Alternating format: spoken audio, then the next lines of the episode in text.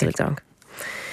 Hopelijk uh, opent binnenkort de tentoonstelling Voices of Fashion in het Centraal Museum in Utrecht. Het begeleidende boek is vast uitgegeven met de ondertitel Black Couture, Beauty and Styles. En het is een viering van de zwarte modecultuur die voornamelijk, uh, door de voornamelijk witte mode-industrie vaak ondergewaardeerd werd, maar ook overgenomen werd. De gast is modeactivist en co-curator van de tentoonstelling Janice Dul. Welkom. Dank je.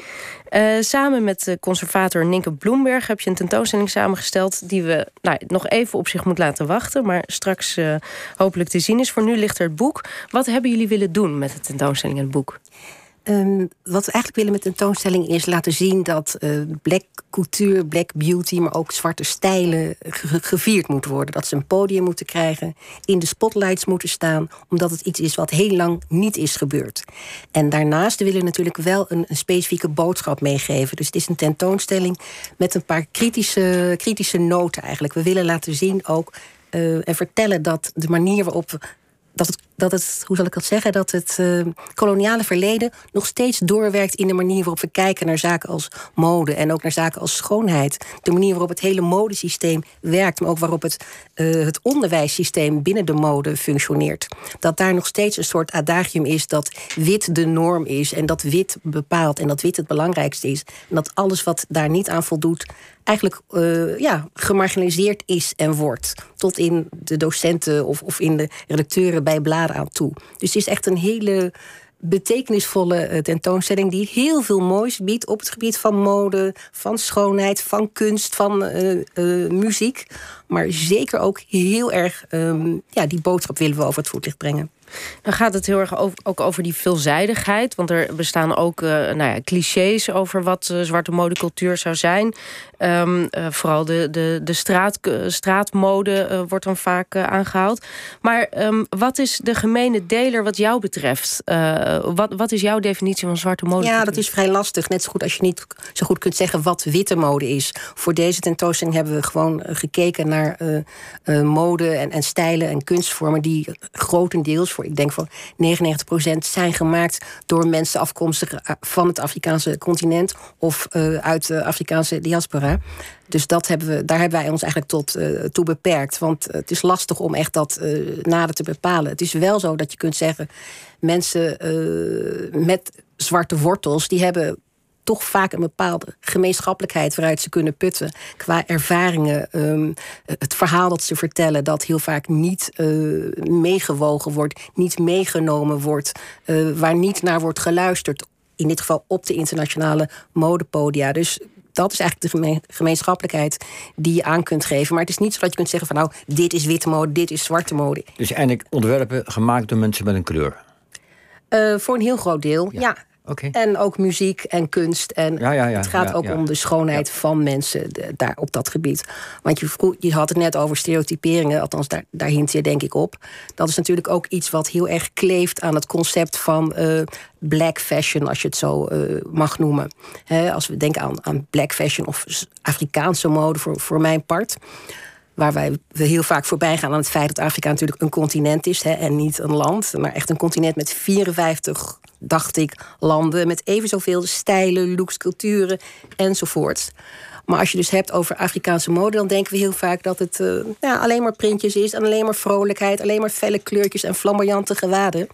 En dat is natuurlijk een uh, totale misvatting en een, uh, daarmee doe je dat, dat concept tekort. Hè? En op de tentoonstelling laten we op een hele mooie, subtiele manier zien dat, dat, ook, dat het gewoon veel breder is ook een manier waarop we de bezoekers uh, ja, confronteren met hun eigen, hun eigen vooroordeel, misschien wat dat betreft. Of, of gewoon ja. opvattingen die, je toevallig hebt, zonder dat je weet dat het vooroordeel Zeker, is. Zeker, bewust of onbewust. Ja, het is ook niet ja, het, dat we mensen een soort schuldgevoel aan willen praten, maar juist willen laten zien van kijk eens, dit denk jij misschien, maar dit is het en dit is er ook.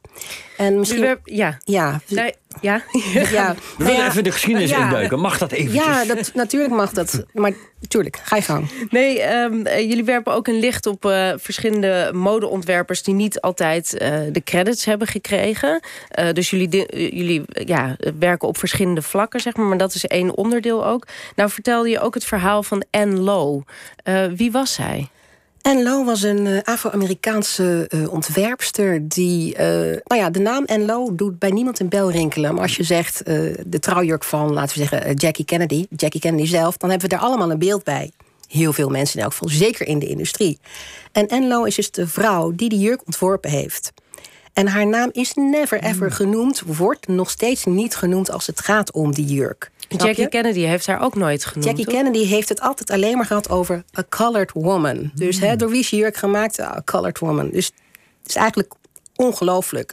Zij maakte niet alleen de jurk, van Jackie Kennedy, de trouwjurk, maar ook heel veel uh, andere uh, signature dresses van de zogenaamde de so-called high society in Amerika. Zij maakte Oscar-jurken voor uh, Oscar-winnaressen, zeg maar. Dus, dus heel erg afschuwelijk dat zo'n vrouw dan niet standaard onderdeel is van de, van de modekamer. Omdat we haar naam niet kennen. Dat zij bij leven never die credits heeft gekregen. Laat staan de revenue. Want ik meen me te herinneren dat zij zelfs heeft moeten toeleggen op de trouwjurk van Jackie Kennedy. Omdat er allerlei omstandigheden waren waardoor ze opnieuw die klus heeft moeten uitvoeren. Ja, het ging helemaal mis, geloof ik. Die, jurk, die halve jurk was helemaal ja, dus- beschadigd. of, was Jackie te veel eisend misschien? Nou ja, goed. ja, nou ja, je mag veel eisend zijn als je daar ook een, een, een, een, een navenante uh, beloning tegenover stelt. Maar dat is dus niet gebeurd. Dus um, nou ja, zo'n verhaal moet verteld worden en moet bekend zijn. En dit is natuurlijk maar één voorbeeld. En er zijn nog heel veel voorbeelden. En ook heel veel voorbeelden die we niet kennen, omdat ze domweg ja, nooit genoemd zijn. Omdat, omdat we de verhalen niet kennen. het is natuurlijk zonde als, die, uh, als dat ver, uh, verloren gaat. Dat stukje mode- en cultuurgeschiedenis eigenlijk. En nu kijken jullie ook naar de, ja, de toe-eigening... door de voornamelijk witte mode-industrie...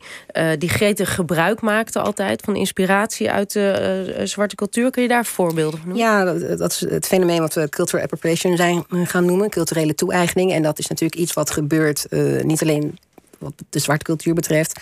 Maar we hebben het in dit specifieke geval wel over die zwarte culturen. Um, nou ja, ik denk een heel goed voorbeeld wat je nu uh, ziet. Die enorme grote logo's op kleding. Dat hele concept van streetwear.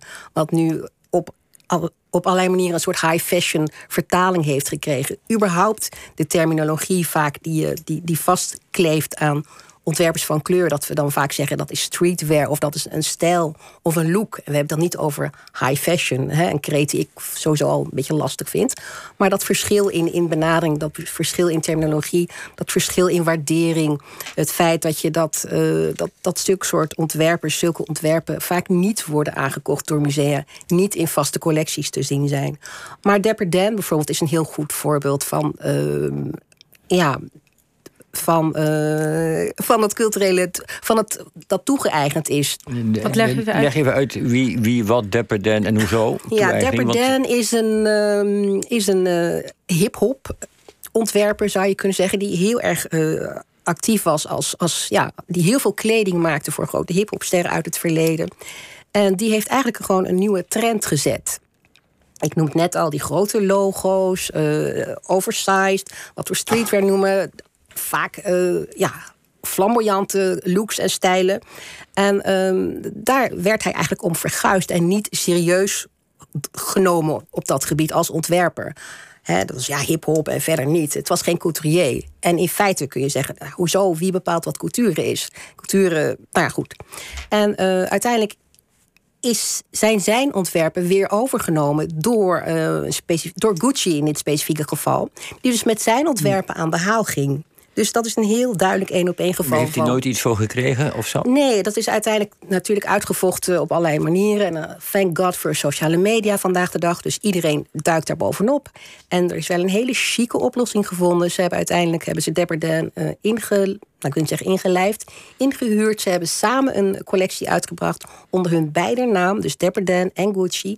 En Dapper is ook opgenomen in een soort uh, clubje, een soort denktank, die zich sterk maakt voor meer diversiteit, inclusiviteit in de mode-industrie. En die ook jonge talenten uh, ja, wil boosten, zeg maar. Dus het heeft wel een redelijk positief uh, effect gehad, uiteindelijk. Nou is er wel ook eerder een, een modeontwerper geweest in de jaren 70, 80, Willie Smith, die jullie aanhalen, die al dat begrip street couture gebruikt. Dus die zegt eigenlijk al van dat is geen, uh, dat kan gewoon samengaan. Ja, en uh, dat is iets waar we ons rekenschap van moeten geven. En wat ik eigenlijk net al zei, van joh, street uh, couture, iedereen kan couture maken. Je hoeft niet wit te zijn om couture te maken. En dat is wel vaak iets, ja, waar het nog aan schort aan, aan die, aan die optiek, aan die, uh, ja, nou wordt het modebeeld niet alleen bepaald door, door kleding, maar ook door modellen. Het gaat ook om, om representatie. Wie draagt die kleding? Nu hebben jullie in je boek de cover van Life Magazine uit 1969 bijgevoegd. Met de titel Black Models Take Center Stage. Dat klinkt veelbelovend. Ja. Maar dan denk je, wat is er, wat, ja, wat is er iets veranderd sinds 69? Ja, dat klinkt inderdaad heel veelbelovend. En uh, tegelijkertijd ook een beetje wrang. Want die cover zou je. Die cover is hoeveel jaar is dat geleden? 40, 40 jaar geleden of zo? 50? 70, uh, ik ben heel lang geleden. Bijna ruim 50. Heel lang geleden. Maar die zou ook gewoon weer van nu kunnen zijn. Met, met zo'n boodschap. Met zo'n uh, hoopvolle boodschap eigenlijk. Um, waarom we die cover hebben opgenomen is eigenlijk als onderdeel van een, een, een ode, zeg maar een eregalerij aan zwarte modellen die baanbrekend werk hebben verricht, maar die heel vaak vergeten zijn. Iedereen kent Twiggy, maar niemand kent bijvoorbeeld Daniel uh, Luna. Uh, ook vergelijkbaar in, de, in dezelfde tijd en ook fantastische klussen mogen doen. En een fantastische look, fantastische uitstraling en een fantastisch, een heel specifieke manier van modellen. Die nog steeds wordt ge, nagedaan door mensen van nu. ze inspireert nog steeds heel veel, heel veel mensen in de industrie. En je, je hebt het ook over, weten. Ja, en je hebt het ook over een moment in 1973, de, de Battle of Versailles. Dat was een legendarische modeshow in Versailles. Ja. In, in, wat, wat gebeurde daar? Ja, dat is um, in feite een soort ja, ja, wedstrijd tussen Amerikaanse ontwerpers en, en uh, Franse ontwerpers. Het oogmerk was om geld, bijeen, uh, geld te verzamelen om Versailles een beetje op te knappen. En uh, wat daar eigenlijk gebeurd is, is dat de Fransen eigenlijk dachten van... joh, die, die, die platte Amerikanen, die uh, vegen wij zo van de, van de catwalk af. wij met onze chicheid, wij maken couture, wij weten hoe het werkt. En die Amerikanen, waaronder heel veel zwarte Amerikanen... en ook met name zwarte uh, modellen... die gaven me daar toch een show weg. Die stalen ook letterlijk de show. Die Fransen die gingen, die stonden op en die begonnen te applaudisseren... omdat het niet een, een show was die we tot dan toe eigenlijk uh, altijd zagen... en die nu vaak ook nog ziet.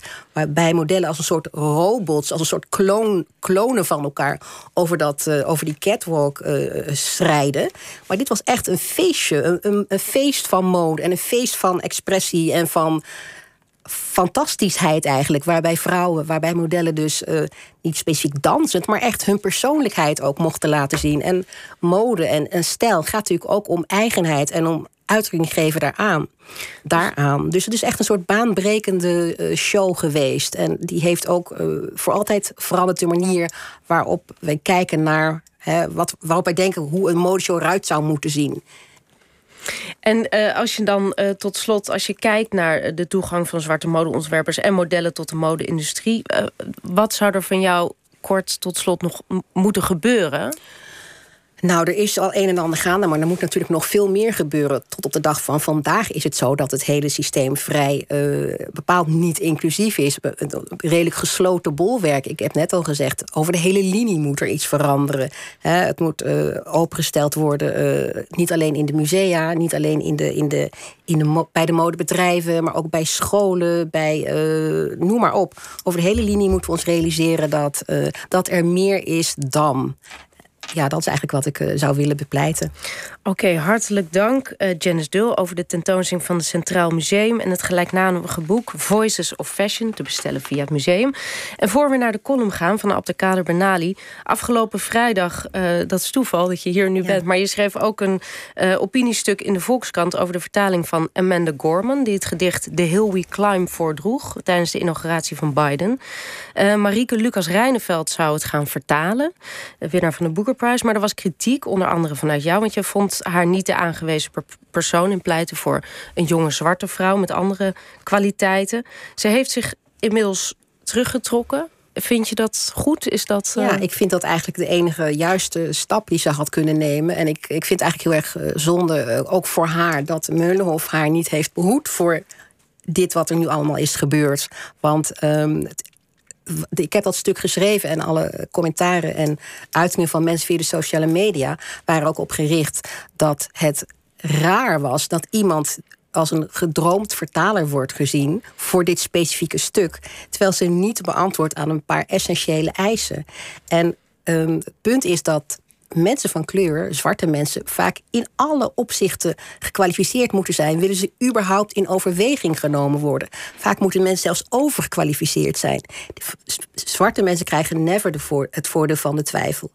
En in dit specifieke geval, dit specifieke werk, deze specifieke uh, spoken word artist op dit specifieke moment in time, had ik echt gedacht, maar ja, je gaat hier een, een, een jonge, uh, zwarte spoken word artiest uh, voor inhuren. Dat was volgens mij de enige juiste weg geweest.